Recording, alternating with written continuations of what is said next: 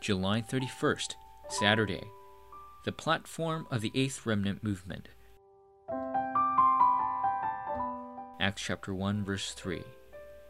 After his suffering, he showed himself to these men and gave many convincing proofs that he was alive. He appeared to them over a period of forty days and spoke about the kingdom of God.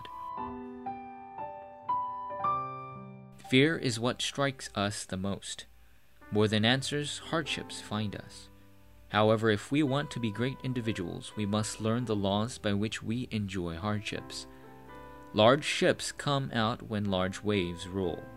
Whenever suffering comes to us, we must see the blessings hidden behind that suffering, but we often fall at the face of the problem and end things there. How can we change the hardships that come to us into blessings? Number 1 the 10 platforms of faith. We just need to have the platforms that do not shake. The first platform is the sovereignty of God. Everything is in the hands of the Lord. The second platform is the method of God being with humankind. The third platform is the promise that God did not abandon us like orphans, but is with us through the Holy Spirit. The fourth platform is the Word of God that is fulfilled as a promise to us. The fifth platform is the church at which the people of the covenant have gathered together. Because the Holy Spirit works at the church, it does not crumble. The sixth platform is that the place I am at is a missions field, thus, a place where I must receive answers. The seventh platform is that God is in control of our life, death, happiness, and blessings. The eighth platform is that our death has already been determined, so we must stand before God. The ninth platform is that fact there absolutely is a heaven and hell. The tenth platform is that the footsteps of evangelists will never lose its reward. We must engrave and remember these ten platforms in our hearts. Number two, the platform of Mark's upper room.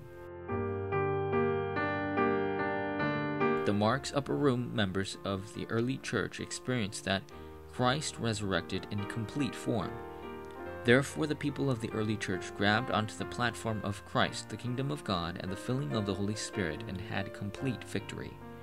Not only did they have victory, but they also received the answer of world evangelization. Number three, the platform of the remnant movement. We must continue the remnant movement so the gospel can be relayed to the next generation. As Paul discovered Timothy, he relayed the sure covenant of being strong in the grace that is in Christ and entrusting this gospel to reliable people. Because of this, we must receive the answers of the platform of the remnant movement. No matter what the hardship, the hope of God to relay the gospel to the next generation is the RUTC.